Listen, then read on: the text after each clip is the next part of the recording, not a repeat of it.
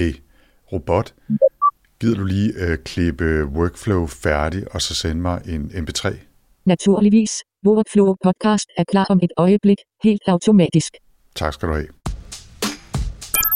Velkommen til Workflow, en podcast om fremtidens arbejdsliv. Podcasten udgives af Ida og udkommer hver 14. dag. Jeg hedder Anders Høgh Nissen. Og jeg hedder Nana Wesley Hansen. Velkommen til.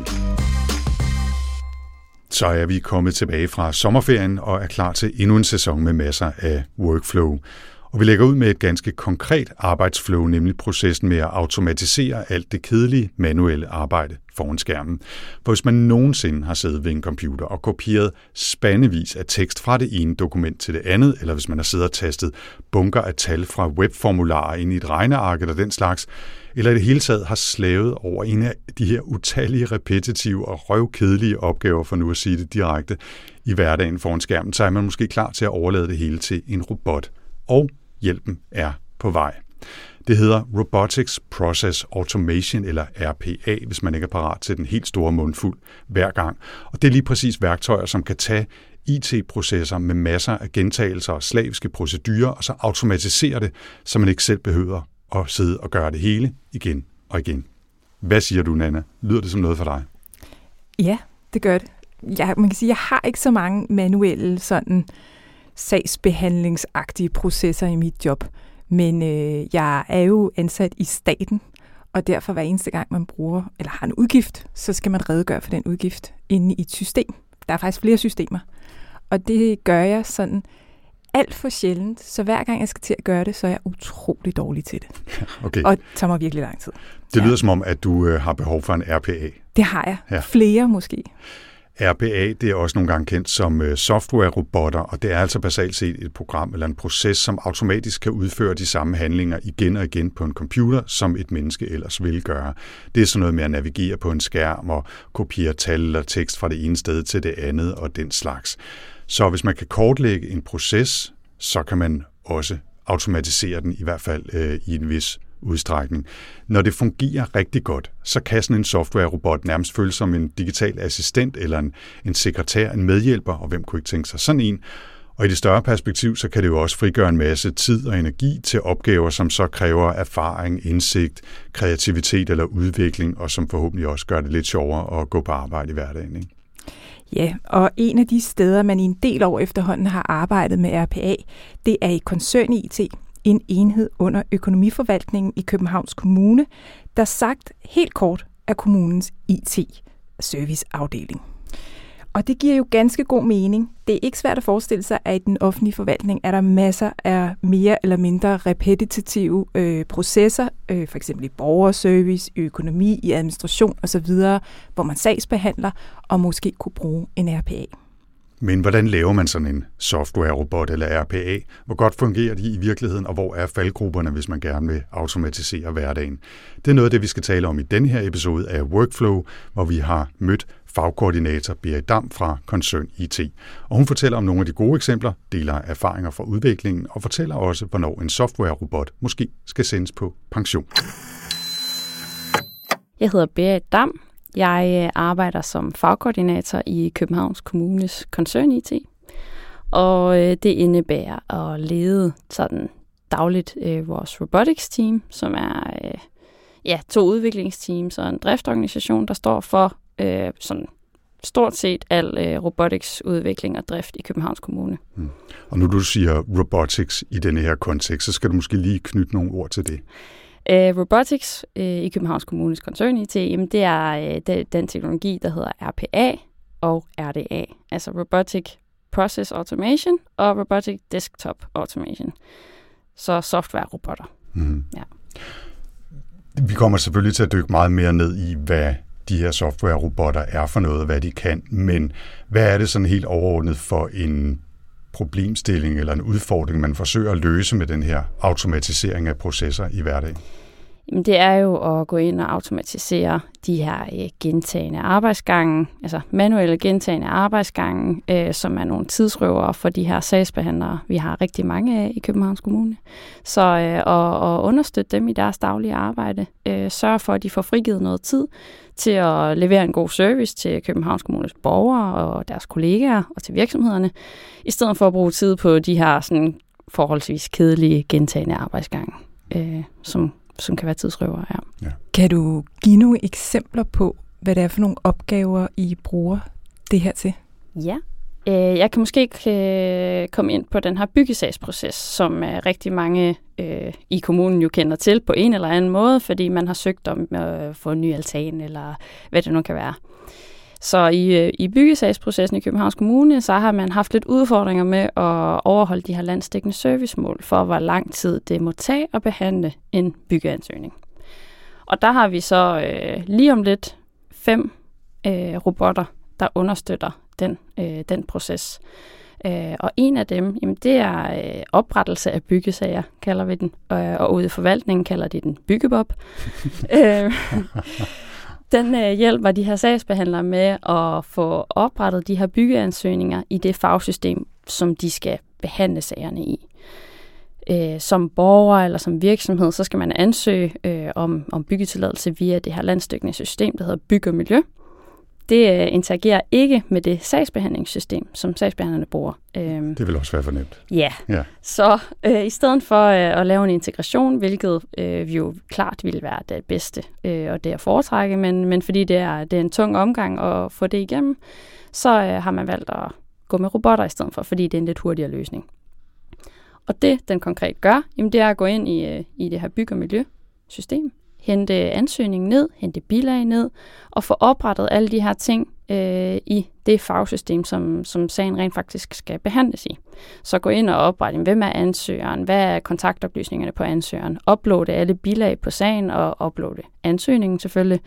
øh, sådan så, når sagsbehandleren skal se på den her ansøgning for første gang, jamen, så er den klar til, at man rent faktisk kan arbejde med den, i stedet for at man skal starte med at bruge en time på at hente filer ned og taste data fra et system til et andet.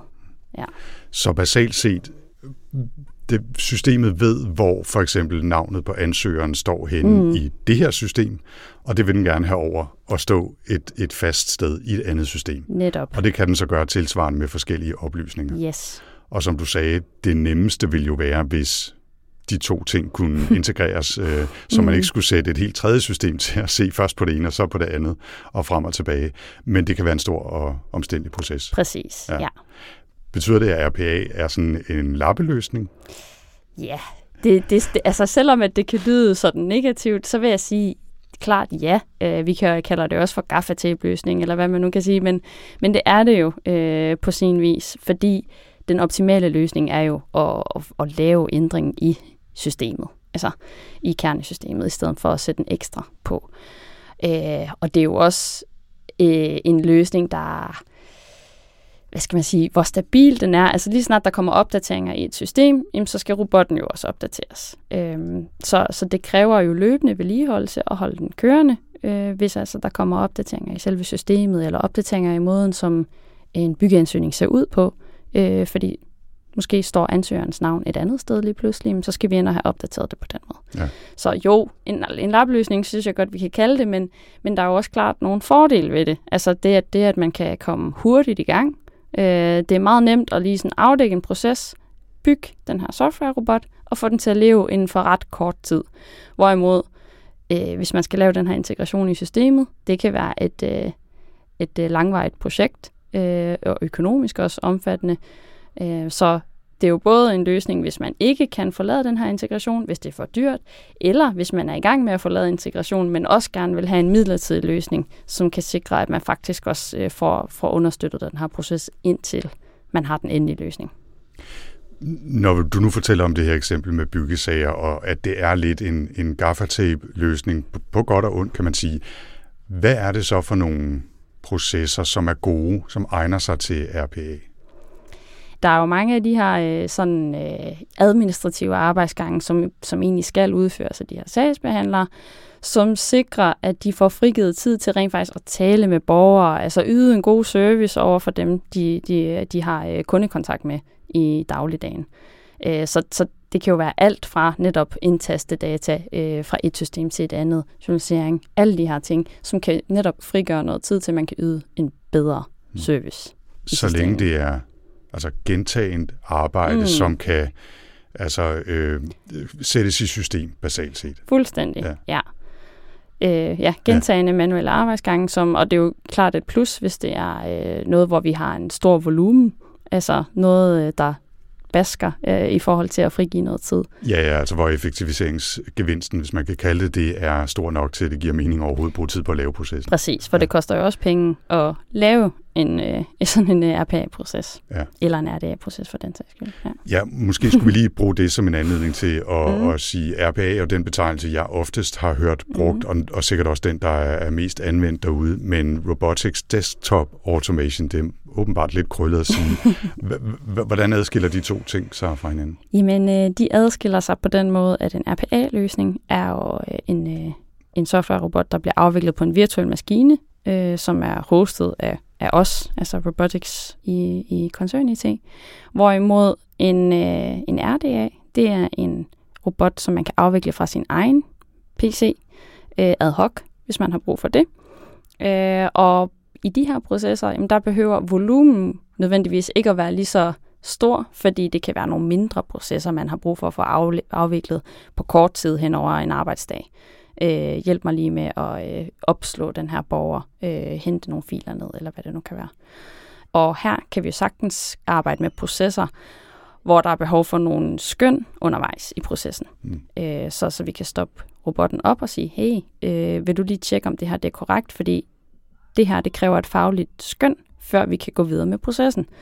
Så kan medarbejderen udføre det, den skal, øh, og så øh, trykke fortsæt, og så kører robotten videre. Mm. Den fordel har vi ikke med RPA, fordi de skal jo kunne køre fra start til slut, ja. uden nogen form for skøn.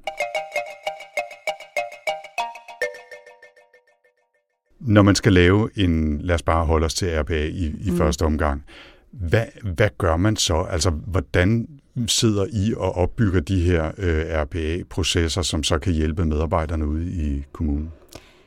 Altså, øh, robotics er jo en lille enhed i, øh, i den her kæmpe store organisation. Øh, der er syv fagforvaltninger i Københavns Kommune, så der er rigtig mange forskellige områder, man kunne dykke ned i. Og det kan vi umuligt være eksperter i øh, og kunne identificere alle processerne. Så derfor har vi selvfølgelig øh, dialog med de forskellige digitaliseringskontorer ude i forvaltningerne, og de er jo selvfølgelig også interesserede i det her, øh, og gå ud og finde de gode processer. Øh, så dem har vi jo en løbende dialog med, og lige så snart de øh, har en, en fornemmelse af, at her har vi nogle processer, der kunne være gode til RPA, jamen så starter vi en dialog op, øh, og så vil der typisk øh, blive sendt en proceskonsulent øh, fra vores team ud i forvaltningen, hvor man så sidder sammen med den her pågældende øh, procesekspert, som typisk er en sagsbehandler, der øh, kender processen ud og ind, gennemgår den sammen, og så er det så øh, proceskonsulenten, der har til opgave at få, øh, få kortlagt processen. Øh, det kan jo være, at man sidder og, og laver en skærmoptagelse, mens den her sagsbehandler udfører processen. Øh, så tager sagsbehandleren, eller undskyld, proceskonsulenten så øh, den her proces med tilbage, får den kortlagt, lavet en procestegning over den, lavet et, et øh, løsningsdesign, som jo så øh, svarer til robotversionen af den her proces. Øh, oftest er det tæt på øh, en til en af det, sagsbehandleren gør, som robotten gør, men der kan godt være, at øh, vi, vi flytter lidt om på rækkefølgen, eller hvad det nu kan være. Så, så man laver det her løsningsdesign, og derefter øh, starter man ligesom udviklingen op, øh, sammen med en, en udvikler, øh, der så laver det udfortegning. Så det lyder som om, at altså medarbejderne er ret vigtige i den her proces i forhold til at udvikle RPA? De er utrolig vigtige, øh, og det er vigtigt, at de er med fra start. Det er dem, der er altså proceseksperter, og det, øh, altså, hvis, øh, hvis det er en projektleder, der skal forsøge at formidle den her proces videre til os, så har vi tidligere oplevet, at der er nogle kæmpe huller, fordi at de netop ikke er lige så dybt nede i processen, som dem, der rent faktisk sidder og, og arbejder med den til dagligt. Hvordan bygger I så den proces? Ikke at vi skal dybt ned i de uh, IT-faglige uh, nørdede detaljer, vel, men altså er det uh, kode, eller er det et system med hvad kan man sige, digitale byggeklodser, eller hvad er det for et, et værktøj, I bruger til at lave robotværktøjer til, mm. uh, til medarbejderne i kommunen? Jamen, vi bruger uh, det system, der hedder UiPath, øh, som er et jeg tror godt, vi kan kalde det sådan lidt et grafisk. Det er noget drag and drop, øh, sådan rimelig lavpraktisk kodning, øh, så du kan vælge nogle elementer og hive dem ud, og så bygge robotten på den måde. Øh, det er bygget på VB.net, øh, så der kan også godt være øh, steder, hvor, vi, hvor der skal skrives kode. Øh, det kan sagtens være. Men øh, hoved, altså, vi forsøger så vidt muligt at holde os til de standardkomponenter, der er i den software, sådan så det bliver let at vedligeholde øh, hele vejen igennem. Så det er basalt set noget med at altså sige, du skal kigge efter tekst i yeah. et felt på denne her øh, webformular, og den tekst skal du kopiere, og så skal du sætte det ind i et andet sted. Altså det er den ja, form for... Øh, netop. Ja, okay. ja. Ja, det er faktisk meget godt sagt. Okay. Yes. Nå, jeg, skal, jeg skal da have til at have et lille supplerende øh, bidjob som, øh, som RPA-programmør, øh, kan jeg høre. Ikke? Ja. Hvis man har lavet Lego, så er man måske øh, Jamen, øh, ja, på vej det er et godt udgangspunkt. Rette retning. Okay. Måske kunne du fortælle noget om de erfaringer, I har haft med faktiske RPA-processer, altså hvor det ligesom er gået godt, eller hvor der måske har været nogle, nogle udfordringer? Ja, altså hvis jeg skal prøve at tage den tilbage til den her byggesagsproces, øh, nu hvor vi er startet op på den, øh, så havde vi øh, proceseksperter med inden fra start, og der havde vi egentlig ikke sådan konkretiseret helt præcis, hvad og er det? du siger proceseksperter, så er det medarbejdere, ja, der det faktisk arbejder med byggesager? Yes, ja. det er det de var med helt fra start, og der havde vi egentlig ikke konkretiseret, hvordan skal løsningen egentlig se ud, fordi det er dem, der skal være med til at forme det. Øh, fordi hvad er det, de har behov for? Hvor er det, de ser de største udfordringer? Hvor vil det aflaste dem mest muligt, hvis vi fik sat ind med nogle øh, robotløsninger?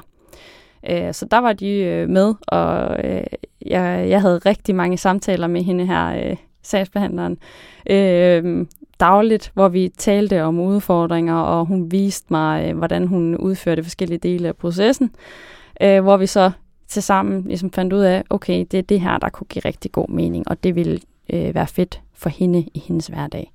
Øh, så hun var jo rigtig meget med til at præge, hvordan den endelige løsning øh, kom til at se ud. Øh, netop den her med at oprette byggeansøgninger. Øh, hvordan, hvordan ville det give bedst mening for hende, øh, at robotten opererede? Mm. Og hvordan skulle den aflevere? Øh, altså, hvordan skal den starte? Hvordan skal den slutte? Hvordan øh, skal det ende? Sådan, fordi hun skal jo arbejde videre med processen, lige så snart robotten er færdig. Så der er både nogle, hvad kan man sige, nogle udfordringer rent teknisk i at få den til at gøre det, den skal gøre. Kan den finde de rigtige tal, eller, mm. eller navne, eller titler, eller tekstbider, eller hvad det nu er, der skal flyttes det ene sted fra det andet. Men selve det at kortlægge processen og sikre, at robotten så også gør det, som øh, medarbejderen plejer at gøre, er også en udfordring. Ja, øh, og man kan blive overrasket over, hvor svært det kan være at afdække en proces. Altså, øh, hvor mange forskellige måder øh, medarbejdere udfører den samme proces. Øh, så hvis jeg spurgte dig, hvordan du gjorde, så ville du give mig en udlægning, og hvis jeg spurgte øh, Anders om det, så ville han give mig en anden. Så det kan være en kæmpe stor udfordring, og det er også lidt at få lagt det tilbage til, til forvaltningen, og ligesom finde ud af, hvordan er egentlig, altså hvordan skal det egentlig være, hvis det skal være korrekt. Mm. For det er vi jo ikke eksperterne i. Nej, men øh, hvordan ved I så, altså efterfølgende, når I så har implementeret den her løsning, har I så nogle processer i forhold til at, at måske måle, jamen dels om medarbejderne er glade for løsningen, måske også om det faktisk sparer dem tid, og om der er noget økonomisk gevinst på det? Ja, altså man kan sige, at vi har jo både et testforløb og en øh, prøvedriftsperiode, øh, hvor vi får testet løsningen af, inden at den bliver, bliver rullet endeligt ud, og hvis jeg nu er den færdig, og nu skal den bare ud at leve.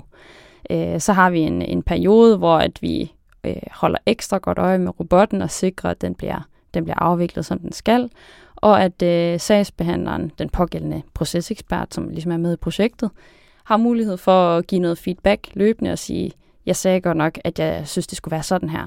Men nu når jeg sidder med det og får afleveret sagen tilbage, så gad jeg godt, at det blev afleveret i den her mappe i stedet for i den her mappe. Eller at man kan komme med de her justeringer løbende, når man ligesom finder ud af, hvordan det spiller sig ud altså i praksis øh, i, i, i hverdagen. Ja. Mm. Men kan I måle, hvad, hvad besparelserne så er tidsmæssigt og økonomisk? Det er egentlig noget, som forvaltningerne selv er, ligesom står til ansvar for at sige, at vi vil gerne have en robot, hvad er vores budget, og hvad er vores formål med det. Jeg ved, at i, i den her pågældende altså proces, der har man målt, øh, hvor lang tid det tager øh, for, for behandlingen af sagerne, hvor meget tid man har sparet øh, med de enkelte robotter. Øh, men tallene har jeg ikke. Mm. Øh, men, men man har helt klart sparet noget tid, og formålet med de her robotter er klart at nedbringe sagsbehandlingstiden overall, og det kommer man til at, at måle på løbende. Man kan sige, at altså sådan en robot kan jo også i bedste fald i hvert fald både håndtere en proces hurtigere, og i princippet gøre det 24 timer i døgnet. Altså hvis der er stof nok, der skal behandles. Nemlig. Så man kan jo relativt hurtigt øh, opnå en besparelse, når først den kører, hvis den så ellers gør det, den skal. Ikke? Helt klart. Og det er jo også en ting, øh, som også i den her proces, i de, i de fleste processer, ligesom sikrer, at processen bliver afviklet ensartet hver gang. At alle får den samme korrekte behandling. Øh, så det er jo helt klart også et plus, ud over det her med medarbejdertilfredshed. Altså, der har vi fået nogle rigtig øh, positive tilbagemeldinger fra det her byggesagsteam, med hvor, hvor lettet de er over nogle af de processer, de er sluppet for at, at bruge tid på. Øh, så det har jo helt klart også været øh, en kæmpe, kæmpe bonus. Øh, de sendte et billede øh, kort tid efter, to af de første processer var implementeret, og en af kollegaerne havde hæklet to robotter. Den ene hed Byggebob, og den anden hed Andrea, og sådan, det var bare, mm. det var bare mega fedt. Ja. Altså sådan, at det, det giver dem noget glæde også. Har I haft øh, nogle udfordringer? Altså nogle tilfælde, hvor en robot måske ikke har fungeret, eller... Ja, altså vi har haft en del udfordringer. Det vil jeg sige, det, det møder man øh, næsten i alle projekter. Øh, man man øh, begynder at afdække en proces og tænker, at det her det er lige til at øh, sætte strøm til. Og når man så kommer ud og møder virkeligheden, så finder man ud af, at der er så mange afvielser, øh, at, øh, at måske at var det faktisk ikke en god idé. Øh, det, der kan være det svære, det er netop at få det afdækket til en start. Fordi når man taler med sagsbehandlerne, øh, så er det jo ikke databaseret, altså øh, den måde, vi får afdækket processerne på. Det er jo, øh, jeg, jeg plejer at gøre sådan her, eller vores procesbeskrivelse siger, at jeg skal gøre sådan her. Øh, hvis vi så øh, har lavet en robot ud fra de scenarier, som vi har fået fortalt og fået afdækket, så er der altid en masse afvielser. Øh, det, det, det gode ved det er, kan man sige, hvis vi bare kan få automatiseret hoveddelen, så er det jo også en klar gevinst, øh, at der så er nogle afvielser, der skal håndteres manuelt, som ikke vil kunne betale sig og udvikle en robotløsning til. Det er jo så øh, den anden side af sagen, men, men det er jo, så, så har man en mindre sagsmængde, man skal håndtere. Ja. Hmm. Jeg ved også, øh, Berit, at I har nedlagt eller stoppet øh, nogle robotprocesser igennem de været 4, 5, 6 år efterhånden. Noget mm. den stil, I har arbejdet med det i Concern IT. Hvorfor har I gjort det? Altså har det været fordi, ja, nu har de udført deres opgave, eller omstændighederne, som de har skulle arbejde med, har ændret sig så meget, at de ikke gav mening længere? Eller altså, hvorfor, hvorfor er der blevet nedlagt nogen, eller stoppet nogen, eller sendt på pension, hvordan vi nu skal omtale ja, vi kan godt kalde dem pensioneret, ja. øh, men øh, det er af forskellige årsager, vil jeg sige. Mange robotter, altså de har en, øh, en levetid. Øh, altså, de, skal ikke, de skal ikke køre for evigt. Vi har nedlagt flere robotter, og det kan både være, fordi det system, som de opererer i, bliver udfaset. Det er en af grundene, der har vi netop lige fået nedlagt sådan tre processer, tror jeg. Øh, noget andet, det kan være, at vi har engangskørsler. Øh, vi får udviklet robotter til at afvikle en eller anden stor pukkel af sager. Øh, vi havde eksempelvis en robot her under corona, øh, coronarobot, mm-hmm. der sørgede for, at øh, børn fik indmeldt overlov i institutioner. Fordi nu hvor de var hjemsendt, jamen, så skulle de ikke længere betale for at have deres børn i institutioner. Der var der sådan 15.000 børn, der skulle have lavet en eller anden manuel øh, indmelding. Og der måtte man så kigge på, jamen, skal vi ansætte øh, nogle medarbejdere til at sidde og gøre det her, eller øh, skal vi lige lave en robot, der hurtigt kan, kan få afviklet den pukkel. Og det, øh, det fik vi så gjort, og så er den selvfølgelig, så har den øh, udført sit arbejde, når, når den indmelding den er udført. Øh, fordi øh, forhåbentlig sker det ikke lige rundt hjørnet igen, at vi mm. får brug for det. Men der er sikkert også eksempler på nogle processer, hvor det er bare aldrig rigtigt at komme til at spille. Ja, ja. det er der. Øh, der er nogle processer, hvor vi må have måttet sande, at okay, vi troede, vi troede, vi kunne fikse det her og lave øh, lappeløsninger og finde, okay, nu var der et nyt scenarie, så lad os lige få inkorporeret det. Nu var der et nyt scenarie, lad os lige få inkorporeret det. Øh, men der er nogle processer, hvor vi bare må finde ud af, okay, den er simpelthen for kompleks, og der er for mange afvielser til, at det giver mening for os øh, at have den her robot. Øh, så det, det, er, det er også sket, ja. ja jeg forestiller mig lidt, øh, altså det der på dansk jo hedder Stomp-maskiner eller øh, Rube Goldberg machines på, på engelsk, ikke? Altså hvor det er meget, meget intrikate processer med en mand, der vil, triller det ikke hen over et bord, og så er der en kat, mm. kat der løber og hiver i en, en snor, og så er der sterillys, der tænder og sådan noget. Det kan hurtigt blive ikke bare en lappeløsning, men en alt for kompliceret Præcis. løsning, hvor det er, trods alt næsten er mere effektivt bare at sætte, bare at sætte mennesker af kød og blod til at gøre et eller andet. Yes. Fordi de kan forholde sig til fleksibiliteten eller afvielsen. Ja, det bliver også for komplekst at vedligeholde sådan en løsning. Ja. Altså for de udviklere, der så skal, skal lave rettelser på den løbende. Hvad kræver det egentlig af medarbejderne, at man får de her RPA-løsninger? Skal man efteruddannes, eller er det nemt at bare lige implementere? Altså, det er nemt at implementere, øh, men klart så, så, så medfører det jo nogle ændringer i ens hverdag. Øh, noget af det, vi gør for at sikre, at øh, sagsbehandlere, øh, som skal interagere med de her løsninger på en eller anden måde, at de øh, i hvert fald får tilbudt et kursus, som vi selv afholder, øh, for at introducere dem til teknologien, før de ligesom øh, får den øh, udrullet i deres øh, afdeling eller deres team. Øh, sådan så vi, ja, vi giver dem en introduktion i, hvad er det for en teknologi, hvad kan den, øh, hvad er det for nogle udfordringer, man vil opleve, når den bliver rullet ud, øh, i forhold til stabilitet og opdatering af systemer og alle de her ting. Øh, men også et sted, hvor de kan løfte deres bekymringer. Øh, sige, hvad er det egentlig? Er jeg bange for, at jeg kommer til at miste mit job? Eller er jeg bange for, at øh, den gør det godt nok? Øh, fordi jeg plejer at være meget øh, grundig mm. i den måde, jeg gør, det, gør, det, gør mit arbejde på. Så kan en robot leve op til det. Øh, så det, det er et sted, hvor øh, ja, netop at introducere dem og få luftet bekymringerne og fortalt det hele igennem, inden at øh, de får øh, en digital kollega, som vi også kalder det, i stedet for en robot. Så for at vende tilbage til dit spørgsmål, øh, så øh, er det jo forskelligt, hvordan de skal arbejde sammen med den her løsning. Nogle gange, jamen, så kræver det, at de øh, i byggesagsprocessen, oprettelse af byggesager, øh, der kræver det, at sagsbehandleren lige screener sagen, øh, og finde ud af, hvad er det for en sagstype, vi har med at gøre her, fordi der er et hav af forskellige typer. Og så skal robotten jo udføre noget bestemt, afhængig af, hvilken type det er. Og så intelligent er robotten ikke, at den kan finde ud af, hvilken type det er. Så sagsbehandleren skal angive en kode for, hvilken type sag det er. Og det er så triggeren, der i gang sætter det. Det er ikke noget, de tidligere har skulle gøre, så det er sådan en, en ny proces omkring det at få oprettet en byggesag. Så i stedet for at netop gå ind i systemet og hente det ned, taste data ind, så skal de skrive den her kode i stedet for. Og så ser de først sagen igen, når nu den er klar til at blive behandlet. Igen det her med kompetencer hos medarbejderne, altså man snakker, det er jo en digitalisering, mm. det her, ikke, af arbejdet på en eller anden måde. Og er det bare, kommer det bare sådan stille og roligt og inkrementalt, eller er det noget, hvor man ligesom sådan tænker, at det kommer faktisk til at blive en udfordring for, for mange af de her folk, at de skal arbejde på mere digitale måder, eller I don't know.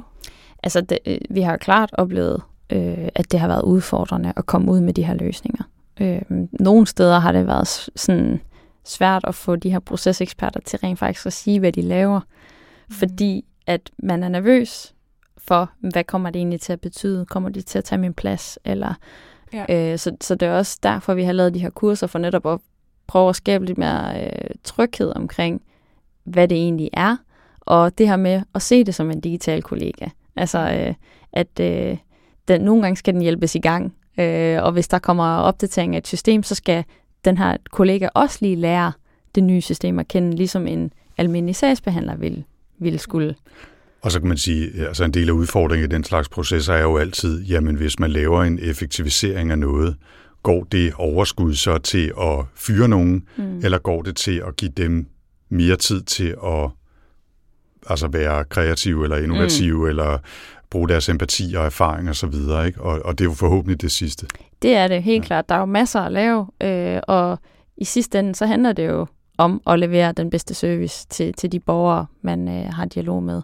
Og det vil man få mere tid til, både hvis man sidder med direkte kundekontakt, men også at have mere tid til de her faglige øh, opgaver, man sidder med, øh, frem for de her robotprocesser. Mm. Altså øh, Alt det kedelige, kedelige. ja. ja. Så frygten for, at robotterne erstatter arbejdskraften, er ikke særlig relevant i forhold til det her RPA. det, altså, hvis man taler med sagsbehandlerne, så er den jo. Øh, fordi det er jo en frygt, de har. Men i bund og grund, så nej, i, i min tid i hvert fald, så har jeg ikke oplevet, at der er nogen, der ligesom øh, ryger på det her, fordi der er, der er rigeligt at lave. Øh, og det betyder bare, at du har mere tid til nogle mere spændende opgaver, end det, der bliver automatiseret med en RPA-løsning. Berit, øh, her hen imod øh, afslutningen.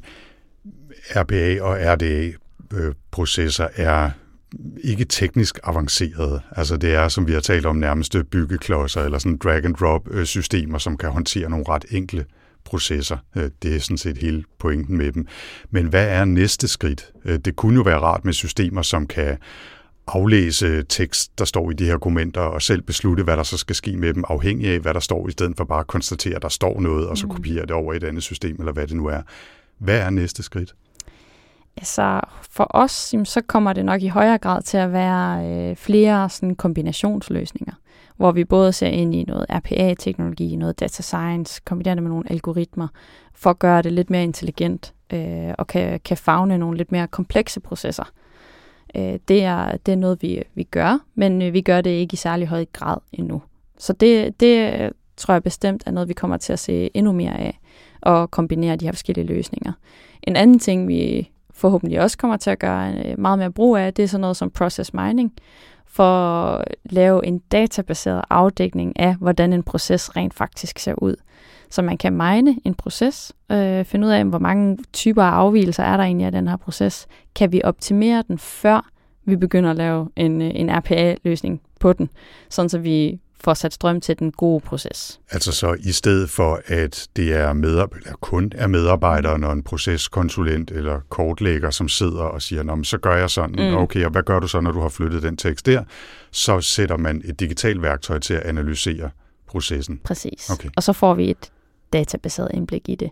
Øhm, og så kan vi så øh, se, at der formentlig er 100 forskellige måder at udføre processen på, men så, så kan vi se, hvilken øh, der er den hurtigste, hvilken der undgår øh, loops, øh, og så sikre, at vi kommer igennem alle de steps, øh, processen skal. Og måske så i den anden ende, altså øh, have mere intelligente værktøjer, der kan sige, okay, vi, vi kan se, der er ikke én proces, som alle bruger altid. Der er tre forskellige processer. Mm. Til gengæld kan vi lave en mere intelligent øh, robot, som så kan håndtere mm. og vælge mellem de tre, og Helt ikke bare klart. stopper. Ja. Hvis den kommer til noget, den ikke ved, så kan den se, at det er et eksempel på løsning 3, så nu kører vi videre i den her retning. Mm. Ja, fordi man kan sagtens komme ud for, når vi afdækker, at øh, det er sådan, at jeg tror nok, vi laver flest af den her slags, eller jeg tror nok, vi laver flest af den her slags, men vi har faktisk ikke data på det, desværre. Øh, så det vil være et rigtig, det vil være et, et langt bedre udgangspunkt at lave nogle gode robotter på, hvis vi laver det forarbejde forud for det. Og hvis jeg vil knytte en ekstra kommentar til, hvad der ellers øh, er på, på tegnebrættet, jamen, så er det endnu mere udrulning af de her desktop-robotter. Øh, vi har egentlig sådan en, øh, en vision om, at øh, der skal være en robot på alle øh, sagsbehandleres øh, PC'er.